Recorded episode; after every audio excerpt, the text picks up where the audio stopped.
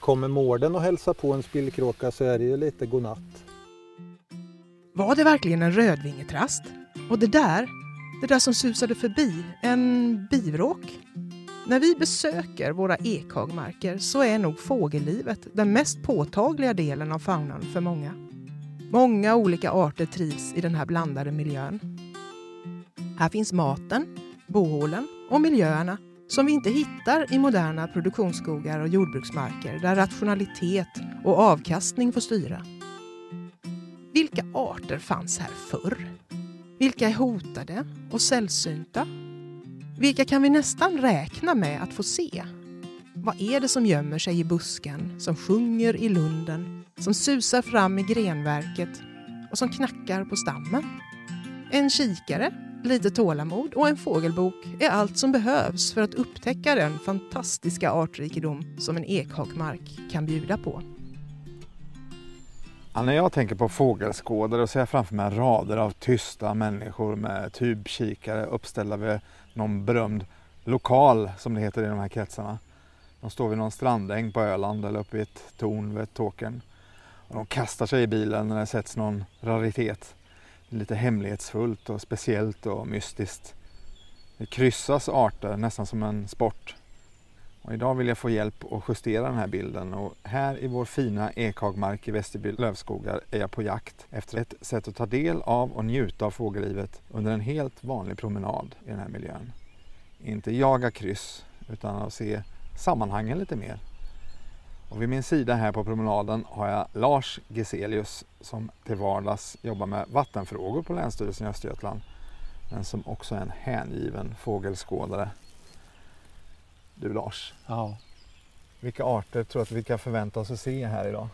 Eller höra kanske man ska säga. ja, det var ju ett inslag häromdagen där man berättade hur tar man reda på hur många fåglar finns det i Sverige och går det upp eller ner? Då är det att lyssna som är 90 procent. Ögonen måste ju alltid leta upp fågeln men ljud kommer ju till öronen oavsett från var så att säga. Och det, vi har ju hörseln gemensamt med fåglar. Och, om man jämför med däggdjur, de har ju lukt, sinne och det som inte vi har. Så trots att fåglarna är lite olika så är vi sinnesmässigt lite lika. Spännande reflektion. Så man, har, har du någonsin kunnat tolka en fågels känsloläge lite grann med eh, hur den sjunger eller hur den låter? Eller? Ja, det kan man nog säga för att om det är intensivt och en hona är nära då kan man nog höra att en fågel är mer så att säga, uppjagad eller intensiv. Eller om den är slösjunger. Ja, men det kan man nog lära sig lite grann. Om de slösjunger kanske de har koll på honan. Hon är här och jag har, jag har första king på parningen. Men om det är liksom, nej, jag ska ragga mera. Eller var finns det en hona jag ska locka till mig? Då är det mera action och är jag en ung fågel är jag inte lika duktig att sjunga. Är jag gammal så sjunger jag mycket bättre. Nu har vi, kn- vi knappt ens slagit på Nej. öronen här. Nej. Än. Men eh, vad tror du att vi kommer få höra för, Ja, men för lite, arter här inne? Nu är vi ju här lite efter lunch så att är fågelsången lite bedarrat här jämfört med på morgonen. Men det vi har hört hit till dags är ju lite trastar som är igång. Lite rödhake, svartvit flugsnappare, svarthätta, någon gärdsmyg. Bofink och lövsångare, de två vanligaste förstås. Nu är det ju en, eh, det här lite tillspetsade lätet, Ja. det är ju stenknäcken, två stycken där uppe. Uppe. Ja. ja, men då kommer vi väl in på den första arten som ändå är lite mera knuten till äldre lövskogar och rikare lövmiljöer som vi är på nu, stenknäcken. Med sin stora näbb. Ja, och den eh, lever ju utav allehanda frön och kanske fågelbärskärnor och kunna knäcka dem där. Just. Just eh, en stor fågel som var mer ovanlig när jag började skåda fåglar för 30-40 år sedan. Och den har kom, blivit vanligare. Ja, men det skulle jag nog säga att den tillhör väl i det här med odlingslandskap och skogslandskapet. Man har, det finns nästan som två, ja det finns ju egentligen tre. De som har ökat, de som har minskat och de som ligger stilla i antal. Då. Men det är ju många arter som har minskat men en hel del också ökat. Vad beror det på då? Är en massa faktorer och vad, vad arterna har för så att säga, specialiteter och födoval här i, här i världen.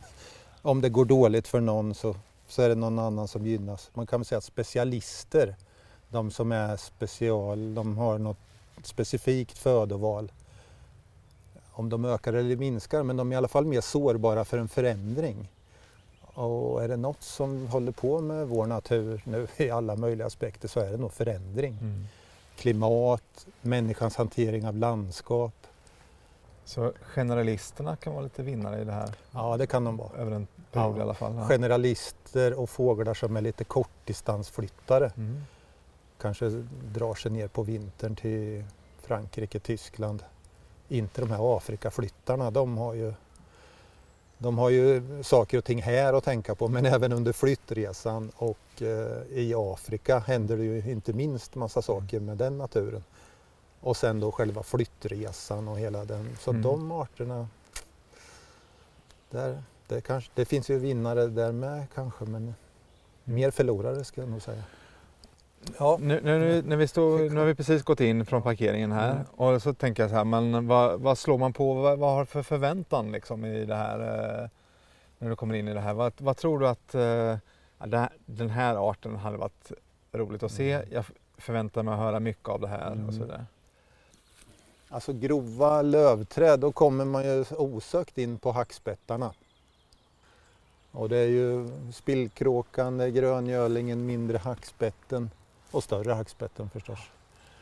Och så den här som fanns här en gång i tiden, sista i Sverige, mellanspetten, mm. fanns i det här eklandskapet. Och idag finns den ju upp till norra Polen på andra sidan Östersjön. Och det, vad jag har förstått så är den ändå lite på frammarsch där nere på kontinenten igen. Vi hörde en som lät som E-Type här förut. Jaha, kan det vara taltrast? Ja, det är taltrast som är mm. Det, har, ju, har, har ju många haranger. Just men, det. Men, eh, ja, just det. Den, ibland så låter den som E-Type. Ja, det, det, har du rätt i. Det där är ju ett jättebra sätt att, att hänga upp eh, sitt fågellyssnande på. Små ramser och, och, så. Har du några exempel? De mest klassiska är väl liksom gulsparven räknar till sju. En, två, tre, fyra, fem, sex, sju. Och eh, törnsångaren är ju rätt rolig. Jag brukar köra med den här Tycker du det, tycker du? Lite kort det är, det är nästan som östgötska också. Ja, just det. Tycker du det? Tycker ja, men det, den är nog östgötska. ja. Tycker du det? Tycker du? Ja. Och eh, sen finns det ju engelska kopplingar, den här rosenfinken kanske man kan höra i den här typen av landskap till viss del i alla fall. Den, då kör man ju med den engelska ramsan då. Please to meet you. Ja, men ta den ramsan då, Please mm. to meet you. Den är, den är så träffsäker så mm. det är galet. Mm. Det är det den säger. Ja. Så att, eh, Ja, precis. Det, de där ramserna är ju inte att ja, förringa. Så finns det den här med Snälla, snälla mamma kan vi få gå på bio klockan nio? Just det, ja. Lövsångaren. Ja. Lövsångaren. Ja. Ja. Nej, så ramser är ju skojiga och de är ju skojiga lite så här socialt för oss människor när vi pratar om fåglar. Så. Ja. Vi går vidare, kolla borta mm. ner mot eh, den öppna marken här så mm. har vi lite buskage och grejer mm. vi kan lyssna på. Men här står vi ju i kanten mellan lö rik lövskog och öppen eh, hagmark med lite solitära glesa träd. Då.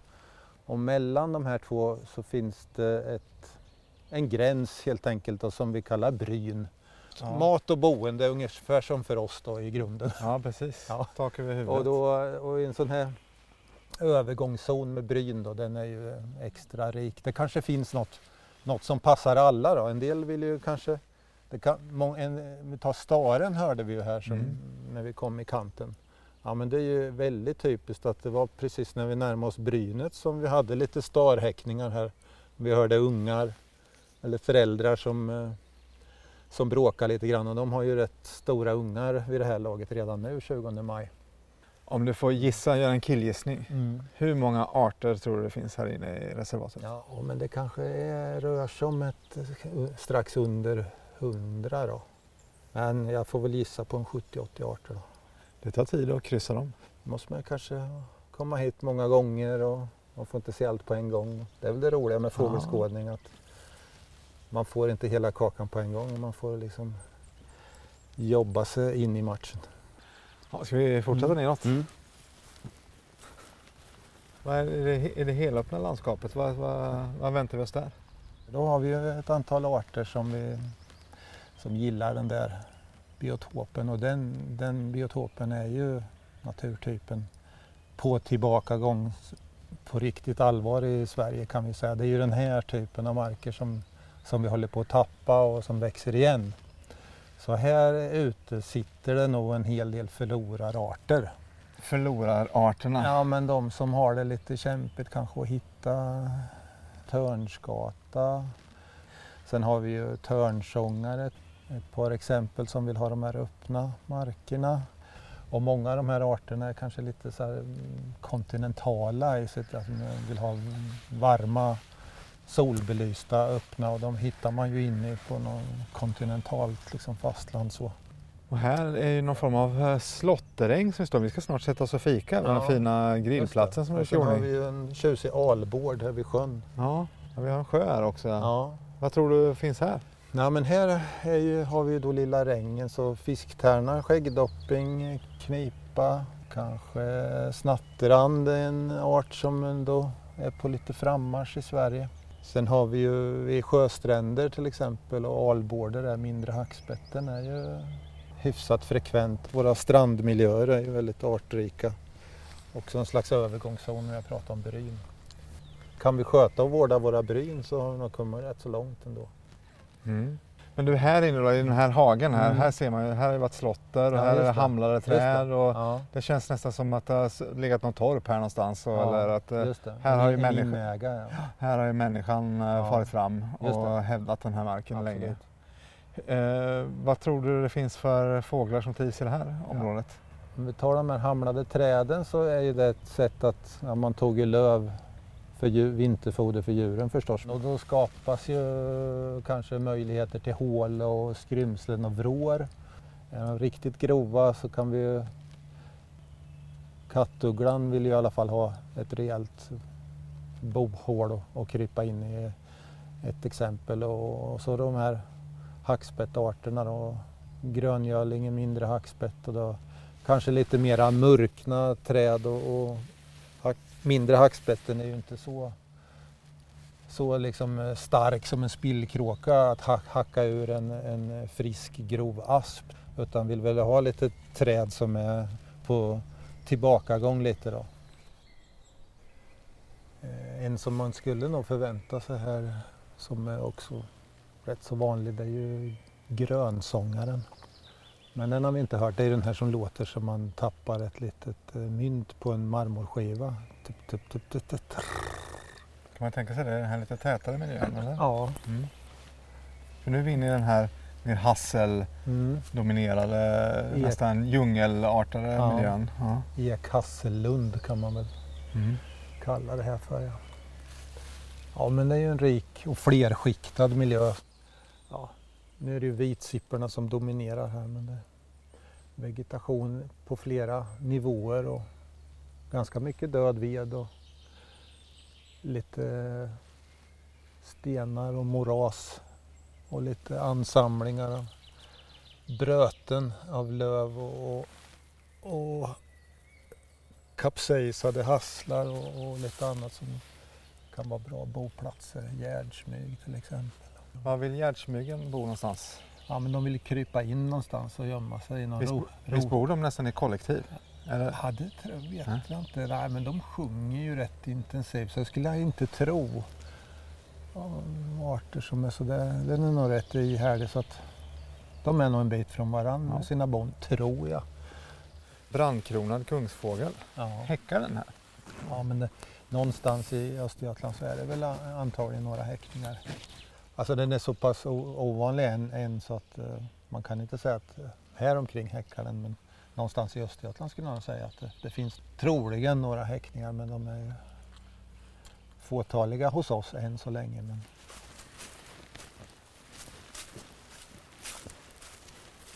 Du, många tycker att rovfåglar är nästan extra speciellt och intressant.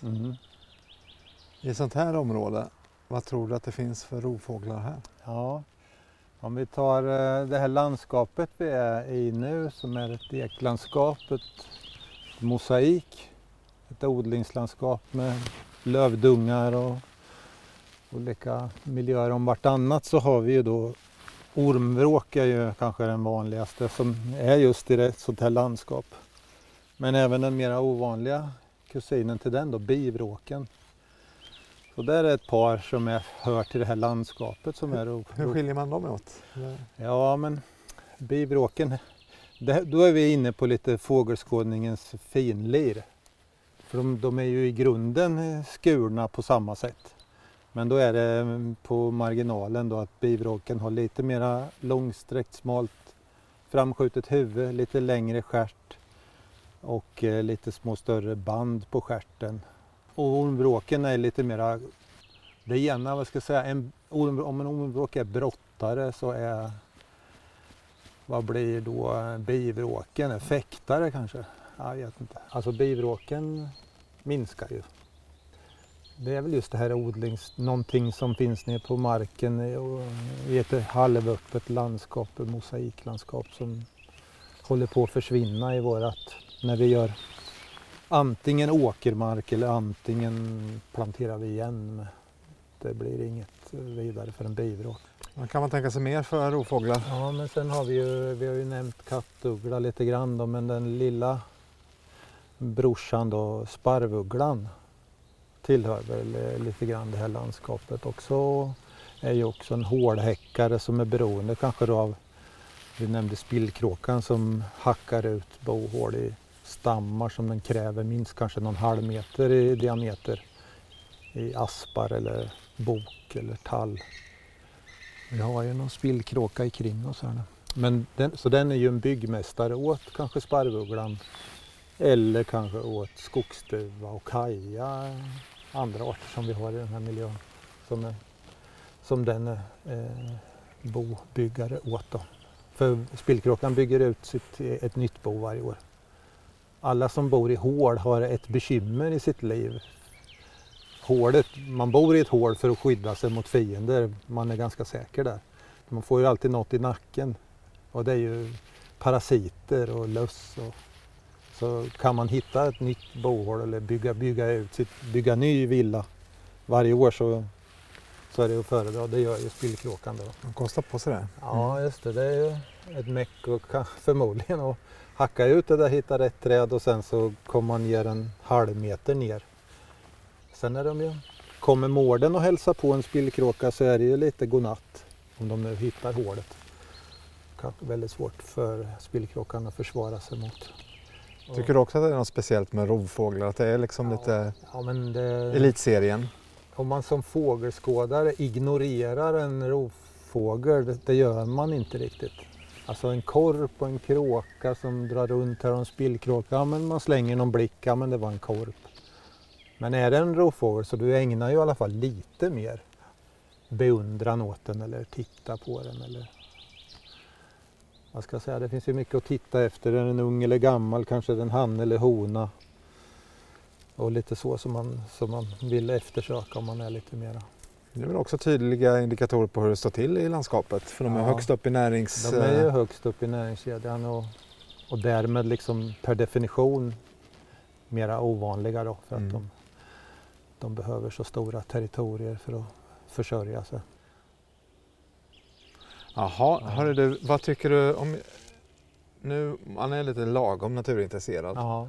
och funderar på att jag ska ge mig ut i en sån här ekhagmark eller Mm. till och med hit då, till Västerby. Mm.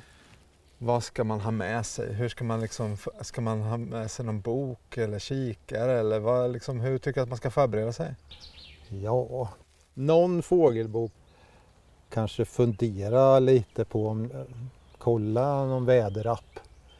Blåsigt är ju inte bra. Tycker jag. Som fågelskådare så vind är ju tråkiga grejer. Alltså. Så men välj en liksom lugn dag men det kanske kan vara lite duggregn i luften och, och lite fräscht. Det brukar vara aktiv fågelsång. Gryning och skymning är ju ofta mer fart på, på fågelsången då till exempel. Om vi säger ett sånt här område med lövskogen här då, mm, passa på och åk i maj Efter midsommar är det ju som att butiken slår igen nästan. Det är, så passa på när det, Ja. när det är högsäsong. ja, just det. Så att, och det. Eller passa på att njut, blunda, sa jag till barnen på naturskolan. Man, om man blundar så vässar man öronen lite. Man, man kan ju lägga sig ner och bara blunda och, och liksom ta in alla läten. Ögonen kan ju liksom förhindra vad, vad hjärnan hinner med om man, om man ska processa både bild och ljud. Om man säger. Stäng bilden en stund och så kör du på ljudet.